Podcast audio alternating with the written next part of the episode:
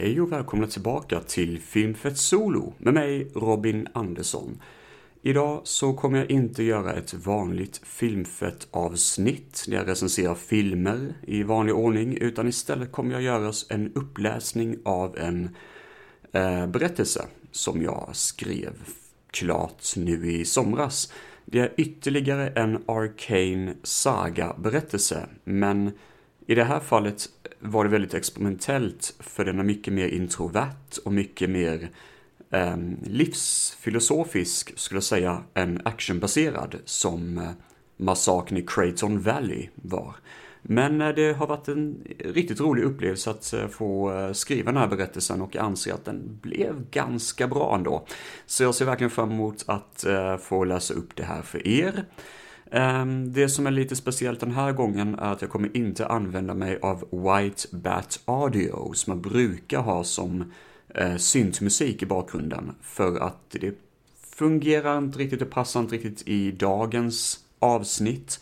Ehm, just nu när jag spelar in vet jag faktiskt inte vilken eh, musik jag kommer använda mig av. Men eh, i slutet av avsnittet kommer jag ge credit where credit is due, som man brukar säga. Jag kommer såklart läsa upp var jag hittat musiken och eh, vem det är som har gjort det. Eh, för att eh, det förtjänar de. Jag tycker de gör ett jävla bra arbete. I alla fall, vi får väl se hur dagens eh, avsnitt och uppläsning blir. Jag tror att det kommer vara någon viss typ av kvalitet bakom det och jag ser verkligen fram emot att presentera det här. Eh, dagens avsnitt kommer inte avhandlas i ett specifikt land och kommer inte direkt vara någon stor koppling till universumet i sig, så den är väldigt, kanske mest frispråkig eller fri, till skillnad från förra avsnittet som var lite mer olika länder och olika kulturer. Det här är mycket mer isolerat. Eh, vilket var en utmaning, men väldigt kul att läsa, för jag känner att jag fick igenom det jag ville få. Och jag är väldigt stolt över presentationen som dagens berättelse har att säga.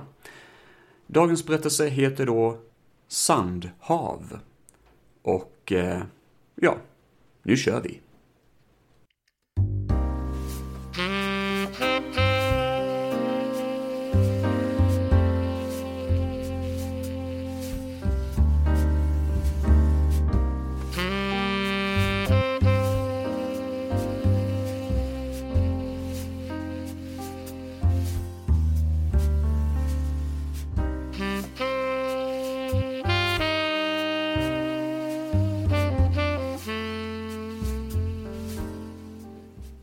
Kapitel 1 Familjeliv Robert stod vid dörren till sin villa med en kaffekopp i handen. Spanade ut över den perfekta gräsplanen. Solen sken mellan molnen och förutom några kalla vindar så såg det ut som att dagen skulle bli fin. Klockan var 10.07. Barnen var på skolan. Hans fru var ledig han själv var hemma en sista dag. En relativt harmlös bild av en harmlös vardag. Men detta var inte fallet. Trots att grannen mitt över gatan klippte sin gräsmatta med sin gamla rostiga Rover 50G, trots att fåglarna flög nedanför molnen, trots den varma, torktumlade morgonrocken Robert hade på sig, detta var en ovanlig dag. Och han visste att han var tvungen att berätta för sin fru, dra ner henne i ett emotionellt plan han själv inte hade tillgång till att hjälpa henne ut ur. Roberts var en AP90-modell, importerad från Free Life Industries en kringresande försäljarmodell som var till bruk i 15 år. Han hade tjänat bra, övertygat många kunder om att installera nya datorprogram till förmånligt pris. En bra skapelse. Detta trots att hans modell ansågs vara äldre. Utan syntetiskt skinn så syntes bara det mekaniska höljet. Hela huvudet var format som en människas, bara det att det saknades hår och var av grå glänsande metall och hårdare plast. Vissa modeller hade uppgraderat sig självmant. köpt syntetiskt skinn för att passa in bättre. Men Robert såg ingen poäng i det. Han hade inte sett något syfte i att vara lika mycket värd som en människa. Värderingar i den nivån var inget han lade tid på. Robert traskade ut på sina bara, kloformade fötter mot trottoaren. Ljudet lät som klorna på en katt när den tassade över hårt underlag. Han såg ner mot den tysta vägen och klurade vidare på ordet värderingar. Vad hade han för relation till detta begrepp? Han hade ett jobb han värderade mycket. Det var ju trots allt det han byggdes för. Inte för att den alltid garanterade 100% att det kunde fungera för en robot, men Roberts hade fallenhet och intresse i människor. Men vad mer värderade han? Han vände blicken mot sitt hus. Att studera sin bostad var något han aldrig trodde skulle ske i hans liv. Han kollade upp mot fönstret där han och Jasmine delade sovrum. Klockan var 10.09 och om en minut skulle hon vakna som alltid. Och för Robert skulle det bli jobbigt. Varje del av hans nätverk sade nej. Detta var inte en bra idé. Men samtidigt, långsiktigt, kämpade den som en intern kamp. Logiska uträkningar spelade schack mot honom och Robert visste att han var tvungen att fatta beslut. Cirkelresonemang kunde resultera till depression för människor men om AP-90-modellen kunde känna depression visste Roberts ingenting om. Det kunde knappast vara bra i alla fall. Han förde istället tankarna på sin älskade fru. Hur det hade träffats. Roberts chef skulle gå i pension.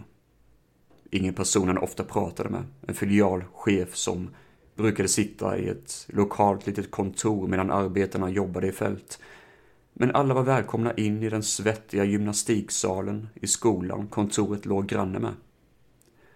Robert stod vid bordet och framplockade billiga kakor.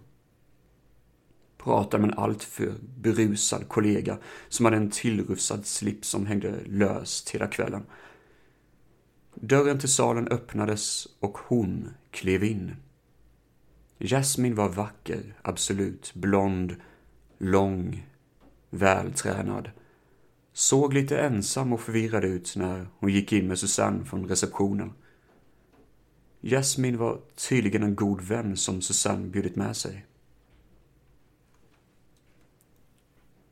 Chefen höll ett tal, som sig bör. Och volymen på festen blev värre och värre. Men när Robert till slut började prata med Jasmine vid deras bord så föll han sig intresserad av henne. Inte sexuellt, Robert hade ingen sådan funktion vid detta tillfälle i alla fall. Men hennes person, ambitioner, resor. Hon gjorde saker utan kalkylering, utan planer. Något Robert aldrig kunnat göra då hans natur, trots trovärdigheten, såklart var skapat av sitt syfte. Det diskuterades mycket om hennes livsval och syn på saker. Och hon nämnde ett ord Robert hade svårt att förstå. Spontan. Det var utomjordiskt för honom. De nya modellerna visste säkert om mer om denna humana aspekten i känslolivet. Men Roberts inre hjärnfunktioner hade inte tillgång till ett sådant begrepp. Robert tänkte vidare på den dagen när han såg hennes form röra sig i fönstret.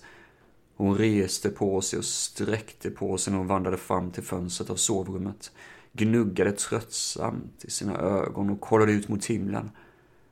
Hon såg inte honom. Han blev orolig. Visste om att han var tvungen att prata med henne. Han tog steg mot ytterdörren i långsamt tempo Förutom den gamla gräsklipparen så lät enbart hans kloförsedda fötter mot markens hårda underlag. Hon gick ner mot köket, försedd i en vit morgonrock och hade väldigt rufsigt hår. Robert kollade på henne när hon gick runt och återberättade en dröm hon hade. Hon hade sovit djupt. Robert hade inte väckt henne den morgonen. Hon låg på magen med sin ena armslängd på sidan av sängen. Han tyckte om hennes stil, något han blev förtjust i, hennes oförmåga att tala rent i köket, glömma bort tider och somna framför tvn. Hans fru var ett evigt mysterium. Hon traskade runt bordet med en vara i taget till frukosten. Glömde en sak, reste sig och gick till kylen. Babblade på rätt länge, men denna gång såg hon att hennes make inte lyssnade. Han stod bara vid entrén till köket och väntade. Hjärtat, vad är det?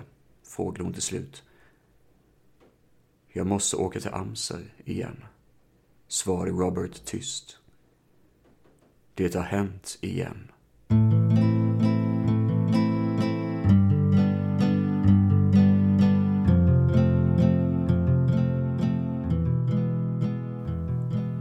Kapitel 2 Den första drömmen Det var inte ovanligt att vissa avancerade datorer och robotar kunde samla dataströmmar och mentala upplevelser i märkliga sammanfattningar. Protokoll av nummer och data för att analysera deras förmåga, möjliga uppdateringar, vanligtvis utan att ens behöva vara medvetna om det.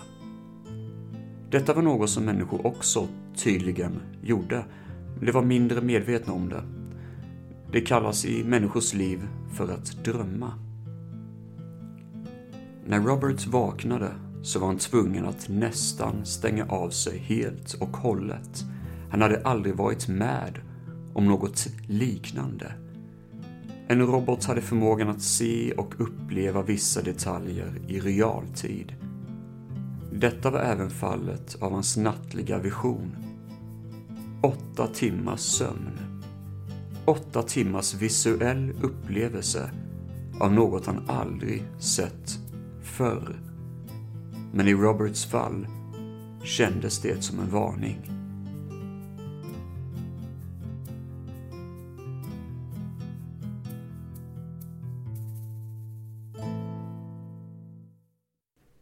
Ett evigt hav av sand som sträckte sig mot horisonten.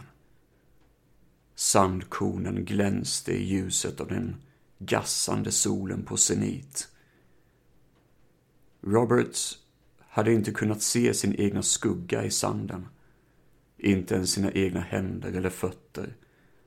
Ett tomt medvetande utan kropp som vandrade eller flöt utan fotsteg genom landskapet.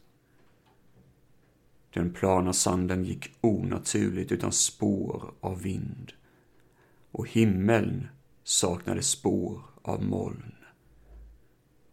Allt var dött. Utslängt som en evig sträcka mot alla håll och kanter. Utan kullar, utan backar. Ett hav av ingenting. Att vandra i evighet av åtta timmar kunde driva vem som helst i kanten av galenskap. Men för en robot som alltid analyserar så är tomhet och avsaknad av analyser en negativ upplevelse. Orolig vad detta kunde betyda så hörde Robert av sig till Free Life Industries, hans tekniska skapare. Detta är tyvärr ingenting som har att göra med vårt system, sa experten från Free Life. Han syftade på att även om de hade skapat Robert AP90-modell så var det de nya uppdateringarna som var ansvariga. Så Robert fick höra av sig till Amser med ett snabbt telefonsamtal. Där fick han rådet att komma in på undersökning. Inget är fel med vår uppdatering vad vi kan se. Men vi hör av oss. Dina värden ser ut att vara okej. Okay. Vi kommer utforska vidare på detta. Hör av dig om ditt tillstånd skulle ändras. Dagar förföll sig vanligt. Robert upptäckte inte något liknande problem igen på ett tag. Men Oron satt kvar, även om han inte berättade för sin familj. Analysen av hans hårdvara visade att en minimal procent av hans minne hade reducerats. Han kunde själv inte begripa vad detta berodde på. Inga tydliga uppdateringar sedan fem månader tillbaka. En dag efter jobbet åkte Robert in själv utan att prata med Jasmine. Och svaret från Amser var denna gång oroande. Minskad minneskapacitet, viskade experten tyst. Samma person som förra gången. Han körde in en lång nål i örat på Robert och tryckte på en knapp som gav analysen på en dataskärm.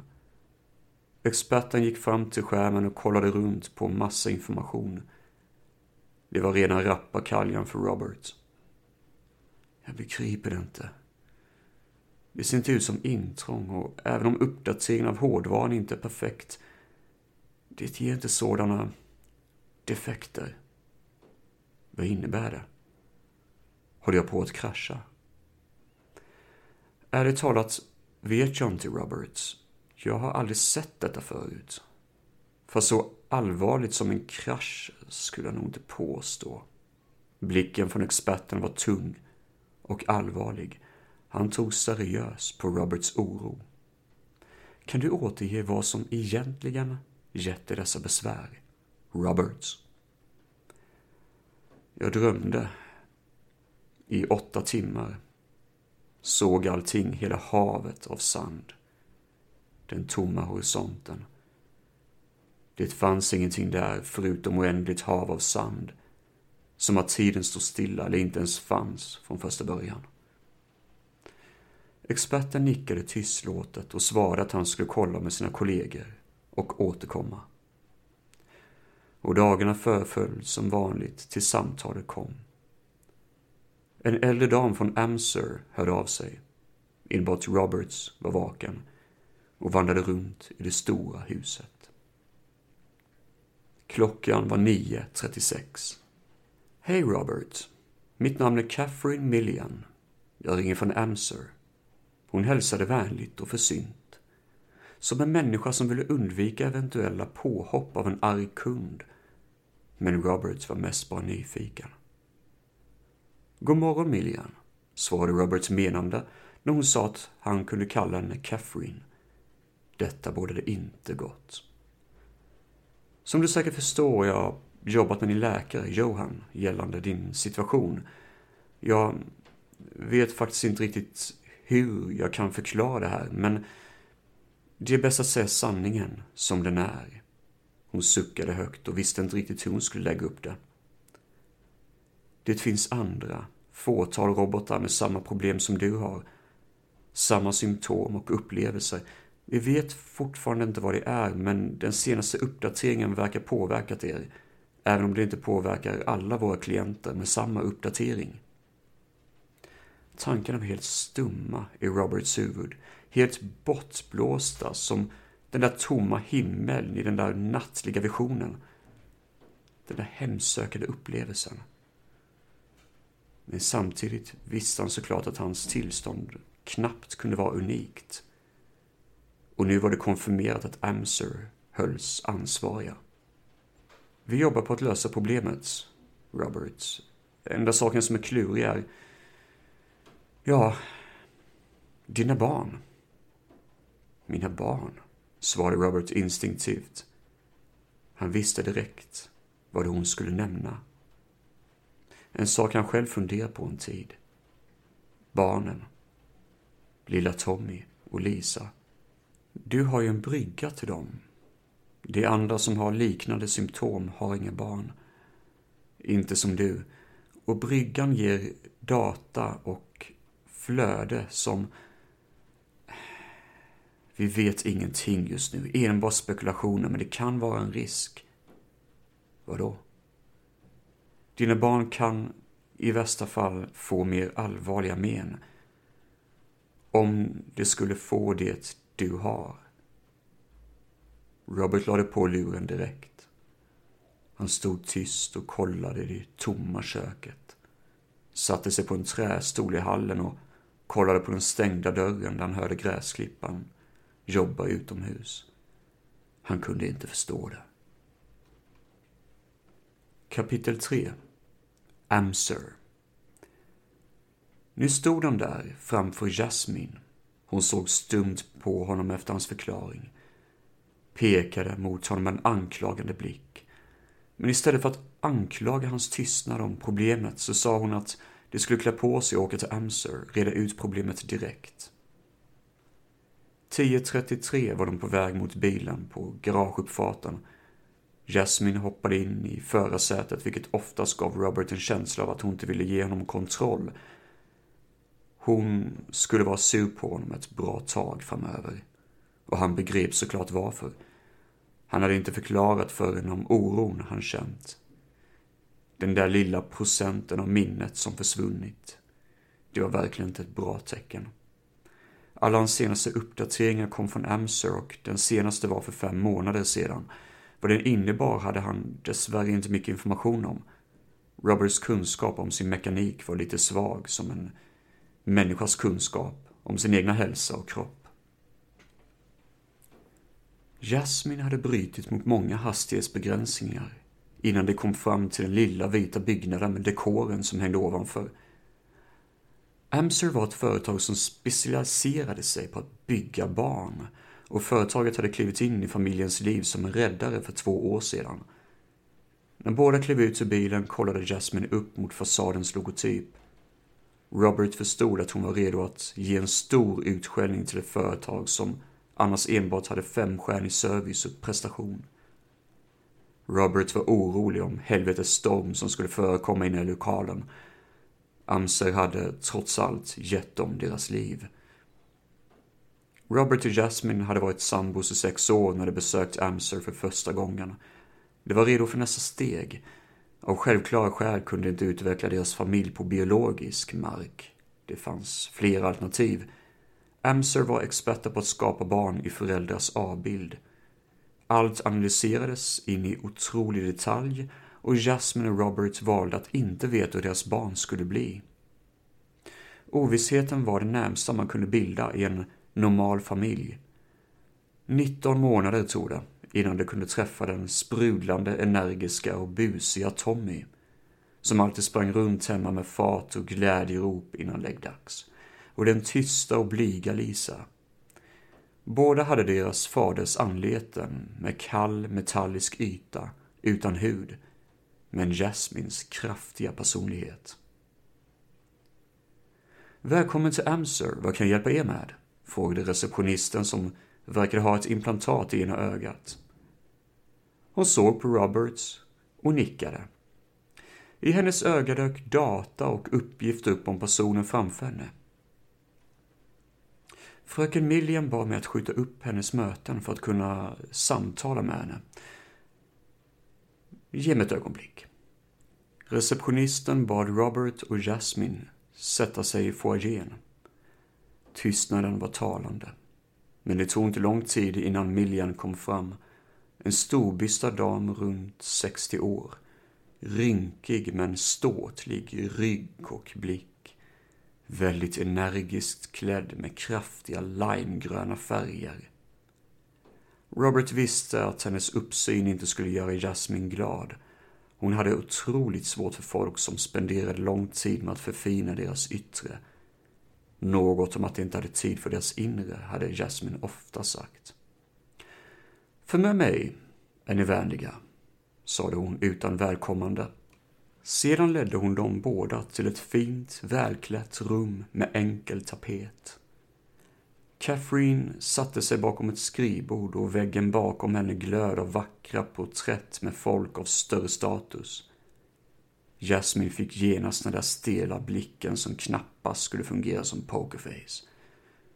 Men hon satte sig tystlåtet bredvid sin make i de fina svarta fåtöljerna. Catherine såg Jasmins blick och förstod direkt hur ärendet skulle hanteras. Vi sätter igång direkt utan att klura till det. Ni vill ha svar och jag vill ge det jag kan, sade hon. Robert fick en tanke att hon säkert pratat med många patienter om detta. För två år sedan byggdes en brygga mellan era barn, Tommy och Lisa, till er, herr Robert. Ja, jag förstod inte riktigt vad bryggan innebar, sa Robert intresserad. Den tekniska termen är Logostic Data Stream. Barn som föds på naturlig väg har en kontakt med deras moder via navelsträng. Sedan har vi av den organiska sorten något vi kallar för själ. Även om det inte är vetenskapligt bevisat såklart, men vi har ett samband som inte kan konstrueras i datorer. I så fall skulle det vara väldigt svårt att bygga upp. I och med din ålder, Robert, så vill vi kunna simulera med hjälp av en datastream, det vi kallar för brygga. Catherine harklade sig och lutade sig bakåt. Den delger data och koder mellan dig, Robert, och dina barn. Ingenting som ni egentligen är medvetna med och eh, inget mer än koder, totalt harmlöst tills uppdateringen för fem månader sedan. Jasmine sänkte huvudet och kollade mot sina knän. Hennes skräck. Hon visste precis som Robert vad som skulle komma. Men hennes blick ändrades snabbt till ett kallt, kalkylerande, hatiskt bubblande. När hon förde blicken iskallt mot Catherine. Detta kunde sluta i ett krig, tänkte Robert som helst ville vara där utan sin fru. Alla mekaniska föräldrar får en uppdatering efter fem månader. Den kallas Version Prio Data. Den ni fick heter Prio Data 5. Detta för att ni, som sagt, är en äldre modell. Jasmine harklade sig och frågade varför denna funktion var nödvändig. Catherine kollade på henne och berättade att alla tekniska varelser är precis som datorer Uppdateringar behövs för att hålla dem i bästa form. I detta fall gällde det i rollen som barnens fader. Hon kollade på Robert och fortsatte. Ibland går uppdateringar fel och det verkar som att din uppdatering inte riktigt kom överens med din Logostic Data Stream. En del information försvann i flödet över till dina barn detta kommer inte påverka dem, men utan den lilla informationen blev installationen inte komplett. Istället fick du en halvt uppdaterad vara. Jasmine började andas tungt, nästan flåsande. Robert kollade på henne och tänkte att det var nog bäst att avstå att krama om henne om han inte skulle få en rak höger. Stämningen var minst sagt explosiv. Men Catherine fortsatte. Tänk dig en tårta du tar fram den, men äter inte hela, och nu står den på bordet och håller på att bli gammal. Detta betyder att vi måste hitta en ny, bättre kod att installera till dig, för att göra dig komplett. Annars finns det en risk att vissa av dina funktioner blir förvärrade, skadade. Nu lutar hon sig fram. Det var uppenbart svårt för Catherine att förklara hur saker egentligen låg till, för nästa punkt skulle bli otroligt svår. Du är den enda av din modell som vi jobbat med, Robert. Många andra föräldrar har bryggan du har, men däremot har vi inte gett denna uppdatering till en AP90-modell med dina tidigare inställningar samt en brygga till dina barn. Kom igen, Catherine. Berätta, sa Robert på skarpen. Han ville bara få sin fru att lugna ner sin aggressivitet och undvika ett slakteri. Tommy och Lisa har en risk. För vi vet inte om dina funktionsproblem kommer att påverka dem via bryggan. Och i så fall ännu värre än det du kommer att genomlida som sakligt och reste sig. Jag beklagar verkligen. Vi kan inte stänga av bryggan för konsekvenserna kan leda till att ni alla tre får allvarliga besvär. Den enda lösningen är att hitta en ny kod att installera till dig.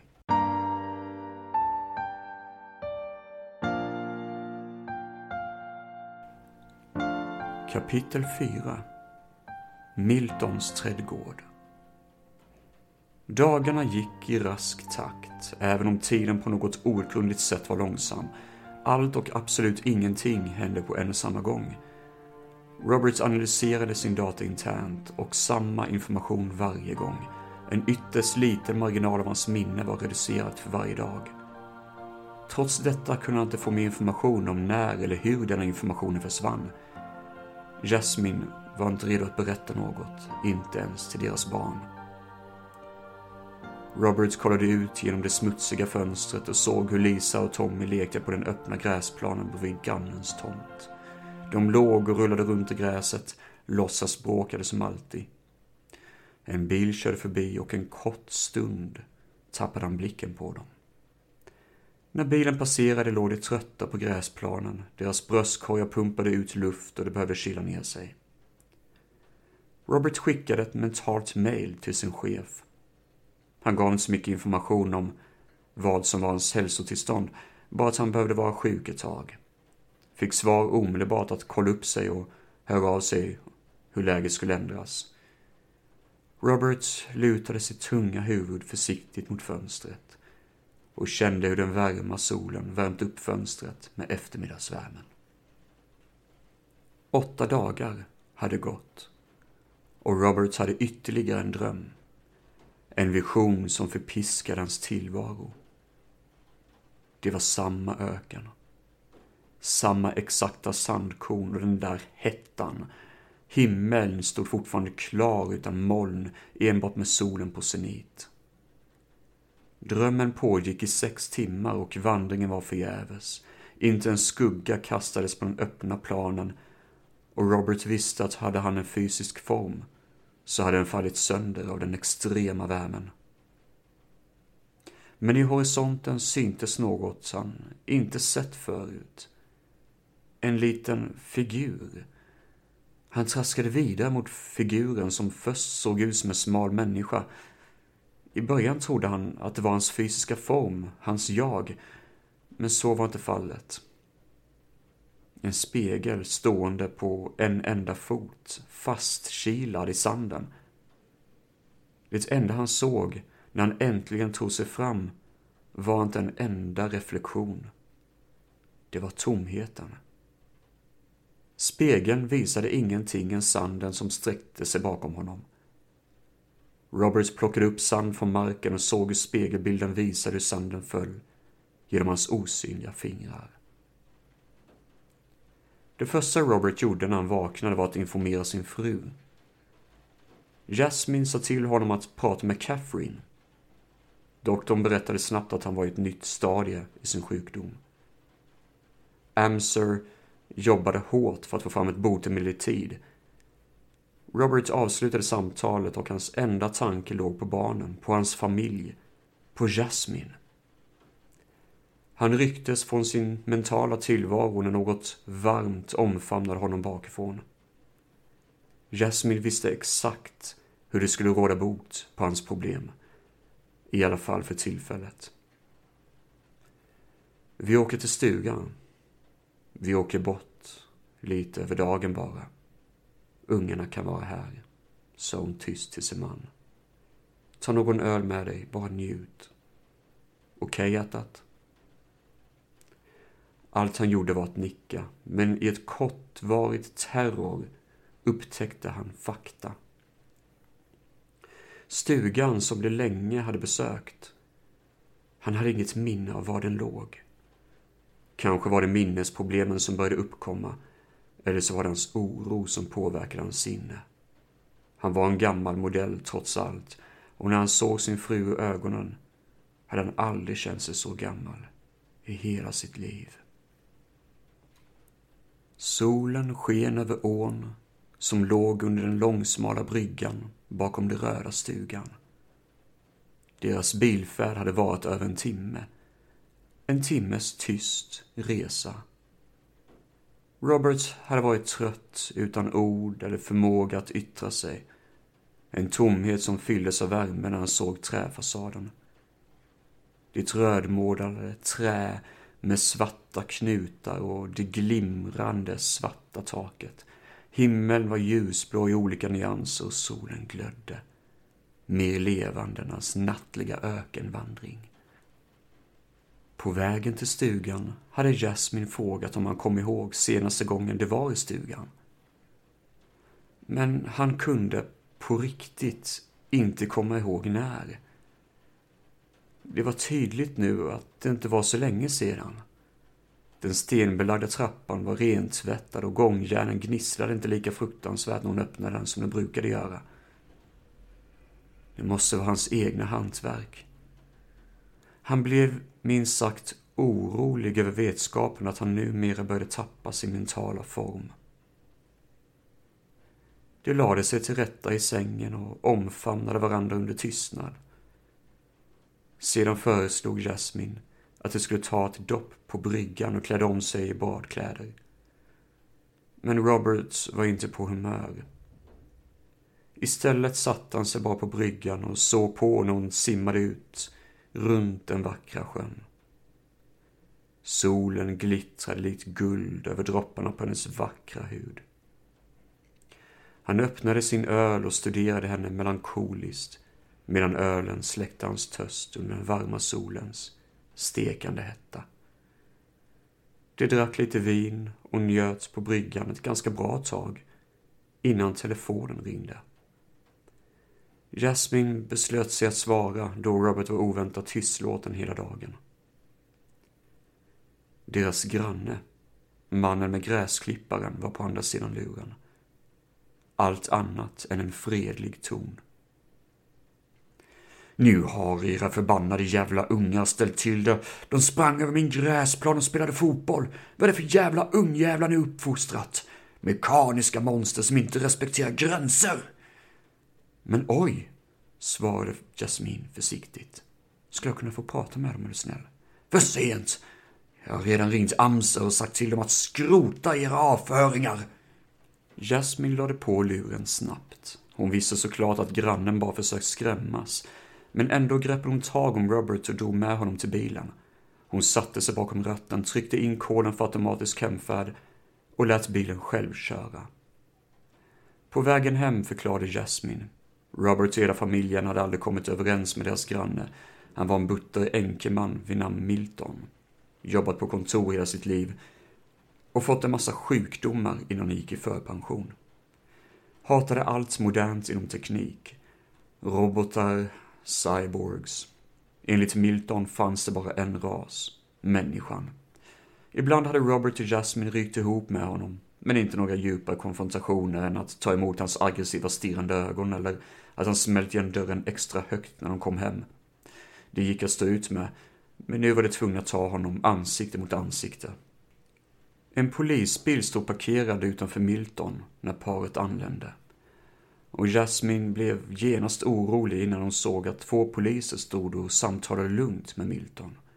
Milton pekade mot bilen som Jasmine och Robert körde när de parkerade vid deras uppfart. Jasmine och Robert hoppade ut ur bilen. Robert var egentligen allt annat än på bra humör för att konfrontera Milton. Han kände sig tom inombords. Jasmine kollade på Robert med en frågande blick. Hon var egentligen inte alls sugen på vad som skulle hända men visste att hon var tvungen att ta klivet över gatan. Roberts såg i hennes ögon och förstod att hon tyckte gatan till grannen kändes som den gröna milen. Robert var redo att tvinga sina ben att röra sig mot poliserna och Milton som nu stod och stirrade på dem. Men då hade Jasmine redan börjat gå mot poliserna. Robert gick efter. Milton var nästan röd i ansiktet, kokade nästan över av ilska. Den ena polisen såg väldigt trött ut. Han ville allt annat än att vara där. Hans kollega, en större herre, log med betydligt mer välkommande utseende. God dag! Vi ska nog försöka få ordning på det här ska du se, herr Jacobs, sade han och visade handen mot grannen Milton som såg ut att explodera i ansiktet. Era metalliska avkommor får leka på er mark, min mark ska ni ge blanka fan i, muttrade Milton med tillbakahållen vrede. Allt för att verka vara god granne framför poliserna. Men den trötta polisen himlade med ögonen mot Jasmine och Roberts. Han försökte inte ens dölja vad han hade hört från den arga grämen. Detta var inte första gången och Robert fick känslan att poliserna stått där ett tag och samtalat med Milton som mer och mer började likna en stenvägg där inget kunde penetrera hans försvar. En röd stenvägg av kokande ilska under den där runda skallformen där hår slutat växa för otroligt länge sedan. Om någonsin. Kanske gubbfan också var en robot, tänkte Robert. Det är som att se sig själv i spegeln. Den vänligt leende polisen vände sig öppet mot alla parter, likt en psykolog, inklusive hans trötta medarbetare som uppenbart började tappa hoppet om sin karriär. Nu är vi alla samlade, så låt oss redogöra vad som har hänt, sa han sakligt. Milton berättade en målande vacker och harmonisk bild om hur han vattnade sina dyra tulpaner på husets baksida när en fotboll gled över hans gräsmatta, en liten projektil av förintelse. Tulpanerna stupade likt soldater i ett krigsfält. Saven från blommorna flög upp i luften likt blodet från sargade kroppsdelar och de hemska robotungarna flög efter bollen i en sådan hastighet så det borde bannlysas till närmsta skrothög. Tystnaden talade för sig själv. Milton var den enda som tog varje stavelse i sin berättelse på största allvar. Samtliga inblandade i dramat gick till husets baksida och fann, mycket sant, en eller två tulpaner som låg på gräsmattan. Resten som stod kvar hade varit överlevande vittnen till denna massaker. Ja, detta ser onekligen tragiskt ut, muttrade den buttre polisen ironiskt. Kommentaren togs däremot till hjärtat av den ilska gubben som om det vore poesi.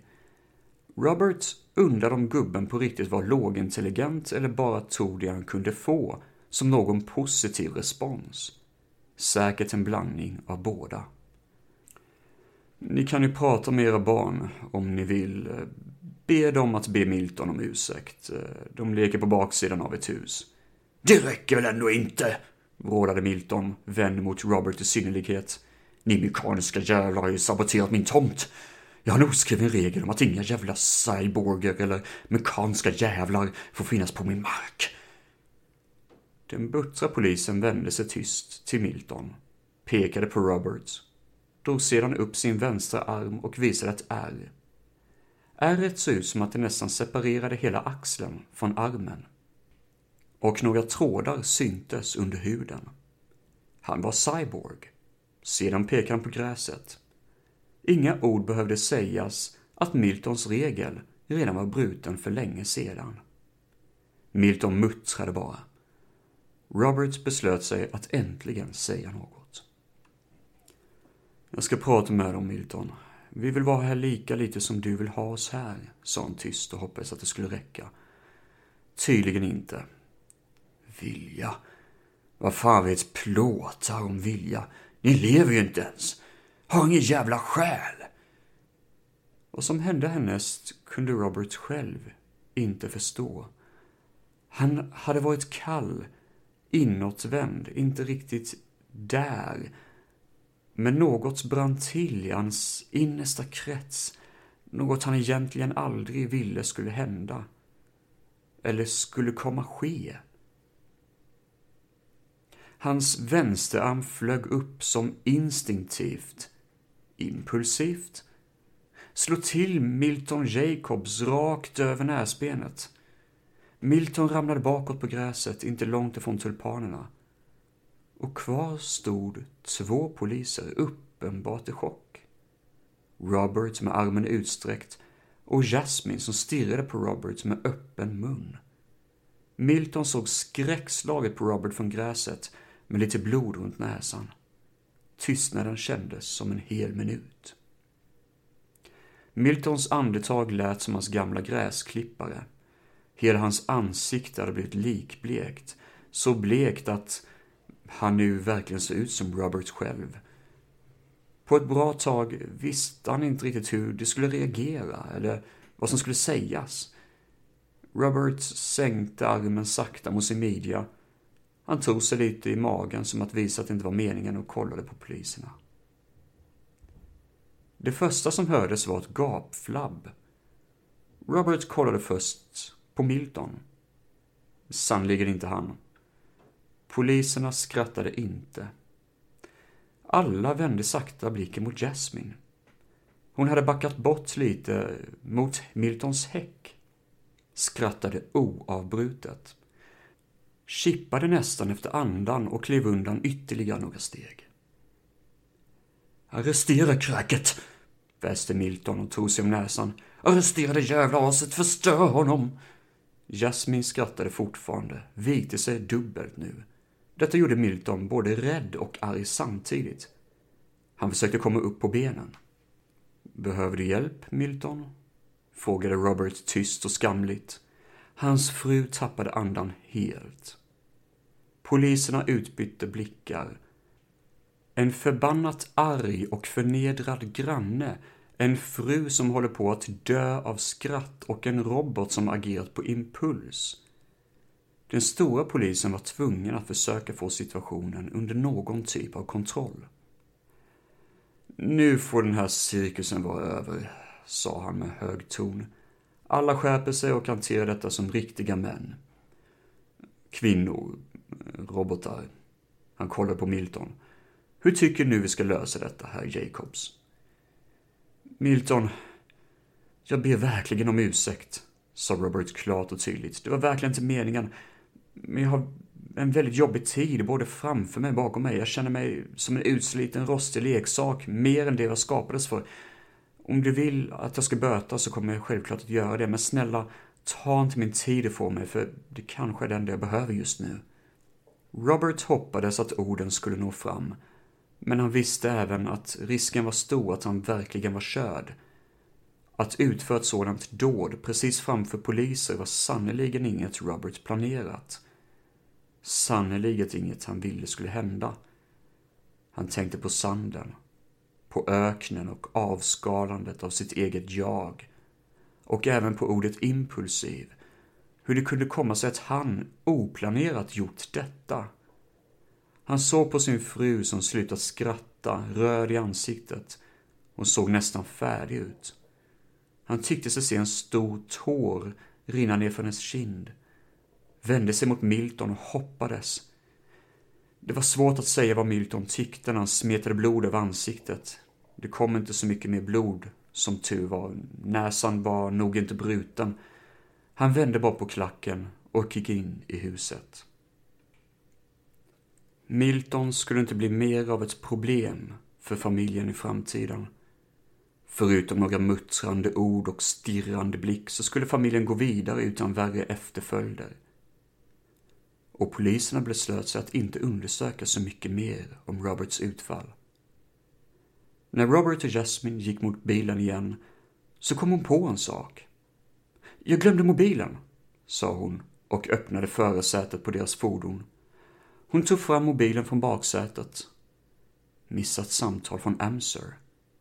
Och ett röstmeddelande. Hon slog på högtalaren och rösten från Catherine Milliam talade klart och tydligt.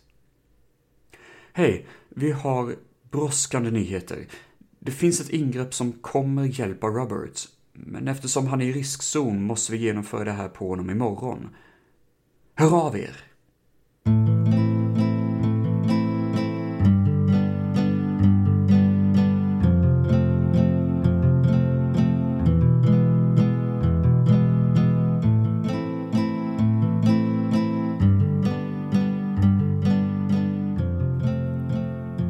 Kapitel 5 Vandringen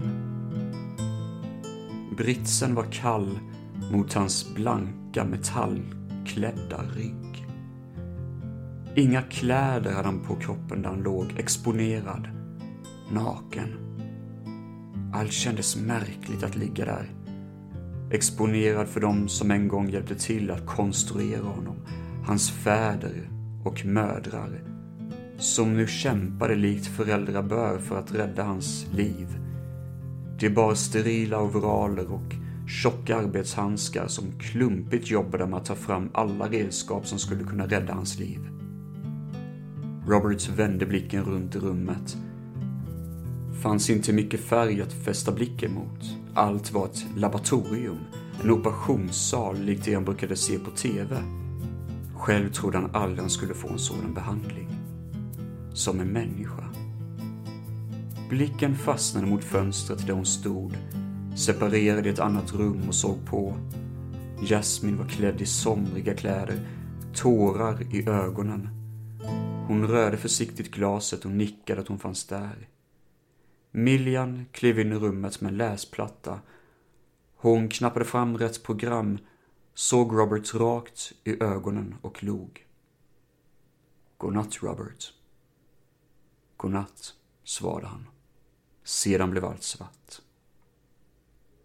Tillbaka igen, i drömmen, sanden och den eviga starka solen på zenit. Inte igen, tänkte han. Han ville verkligen inte sväva fram som ingenting. Denna gången vandrade han i långsamt tempo. Hans reaktionsförmåga var kraftigt fördröjd. Måste vara de i den andra drömmen, dagdrömmen där han låg på britsen. Men det var ju inte nu, det var då och nu är ju nu. Han kunde känna det i varje sandkorn, i varje steg han tog. Han var där, fast i stunden, i ett sandhav. Efter en långsam vandring började sanden vibrera kraftfullt. Vågor slukade upp sanden till höger och vänster, vibrerade som att den var ett levande väsen. Ur sanden reser sig något han inte kunde se, men ändå fanns den framför honom. Då såg han kanten av det. Magnifika väggar av glas spottades ut ur sanden, växte och formade sig framför hans ögon. Magnifika mästerverk, som det varit byggda av jättar. De klättrade mot den klarblåa himmeln och verkade aldrig riktigt ta slut. Han såg inte var dessa glasväggar började och slutade. Det försvann upp i det blå och mot horisonten. Med ett högt klick öppnades något. En dörr. Glaset drogs fram någon millimeter, tillräckligt för att exponera en ram i fundamentet. Dörren öppnades mot Robert, långsamt och inbjudande.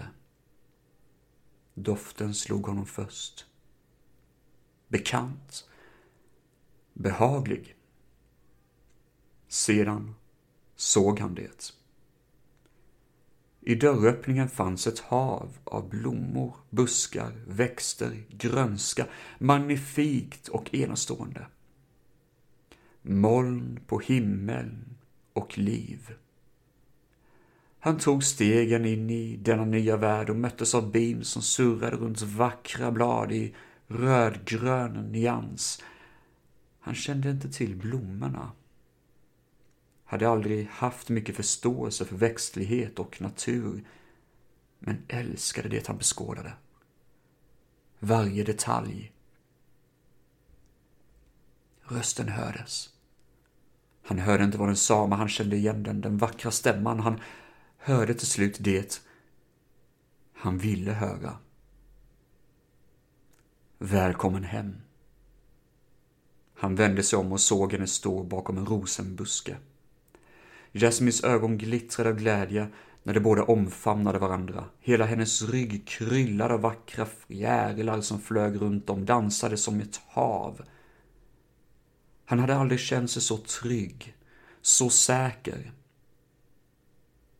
Det var som Jasmin hade sagt, välkommen hem. Den långa vandringen var slut. Han var hemma. Jag... Jag saknar ord, suckade han. Han kunde verkligen inte få fram något ur sina protokoll. Inte till detta. Hjärnan var matt, blank. Har jag varit där ute så länge, så länge att jag tappat mitt förstånd? Hon skakade bara på huvudet och omfamnade honom med en öm kyss. Du behöver inte säga något. Hjärtat. Dofterna av alla växter var det första som började tonas bort. Sedan ljudet som sakta försvann. Sedan känslan i kroppen och sist var all färg som omfamnades av ljus, sterilt vitt ljus, tillbaka i drömmen, eller tillbaka till verkligheten rättare sagt. Drömmen var det andra, detta var verklighet. Så sant, så sant, mumlade Roberts och öppnade ögonen ytterligare för att se Caffrey Millian och de andra forskarna. De log när de såg honom. Var det sant? frågade hon. Att vi räddat ditt öde? Jo, det är sant i all sin rätt. Deras välkommande leende var nästan för mycket för Robert att hantera där han låg på den kalla britsen. Allt kändes förvirrande. Han var ju precis i ett hav av sand, i en värld av oändlig hetta utan slut. Och nu, här, i detta kalla rum, utan någon palett förutom vit. Och ändå var detta det mest välkommande han känt sig på flera år. Efter några minuter kunde han resa sig igen. Alla systemen var tillbaka i hans kropp. Dörren till rummet öppnades och Jasmine sprang fram, puttade undan en forskare och omfamnade sin make. Tårar rann ner för hennes kind, ner på hans nakna, kalla hölje. Jasmine bröt mot en massa hastighetsregler när hon körde hem de båda. Hon var lyrisk, pratade nästan sönder sig själv medan de glädjande tårarna rann ner för hennes ansikte. Robert tänkte att hon säkert också var sönder och behövdes lagas. Osmaklig tanke såklart, men inte helt osann. Detta hade tät otroligt mycket på honom, men själv hade han aldrig tänkt hur mycket hon måste ha känt. Han önskade verkligen att han kunde hitta orden för att finnas där för sin fru och förstå hennes känslor bättre. Men det skulle inte vara värt en enda uppdatering av hans hårdvara. Om det ens någonsin skulle fungera för honom. Sprinkelsystemet var igångsatt över den gröna gräsmattan utanför deras hus. Och även om moln svävade ovanför huset så var det otroligt vackert när Robert och Jasmine hoppade ut ur bilen. Dörren öppnades och barnen sprang ut, omfamnade Jasmine och tjattrade i mun på varandra om vad de hade gjort för lek. Robert vände blicken mot sitt hus och såg när Jasmine och barnen klev in genom dörren. Han log hjärtligt. Robert var hemma igen. Sådär ja, det var min historia Sandhav. Eh, som sagt var, som ni märker så är det en väldigt introvert berättelse, eh, anser jag, med mycket Ehm, reflektioner till livet. Jag gillar ju att spetsa lite historier och sånt ibland och eh, lite personlig också på något vänster det här med att man inte riktigt vet vilken tillhörighet man har i familjeförhållande. Det tycker jag är jävligt intressant. Men i alla fall, eh, jag tycker det har varit en väldigt spännande historia. Jag får se vad jag kommer skriva härnäst. Ingen aning. Det kommer kanske inte skrivas någonting på väldigt bra tag. Jag vet faktiskt inte. Men Sandhav eh, var ett kul experiment och jag har haft, eh, haft väldigt kul med att prata upp det här för er, mina kära lyssnare. Jag önskar väl kanske att jag hade en lite bättre radioröst och kunde presentera det här på ett lite mer emotionellt sätt, men man får ta vad man har med andra ord. Och nu ska jag presentera för er vilka eh, eh, musiker som har tillförts i det här programmet. Men innan dess vill jag bara tacka för mig och eh, hoppas att ni lyssnar på nästa avsnitt av Filmfett Solo. Jag vet inte fan jag kommer avhandla då, men det tar vi senare. Ha det bästa allihopa. Hejdå! All musik idag har gjorts av Pedro från Music by Pedro som finns på Youtube. Spana in hans kanal för mer sköna låtar.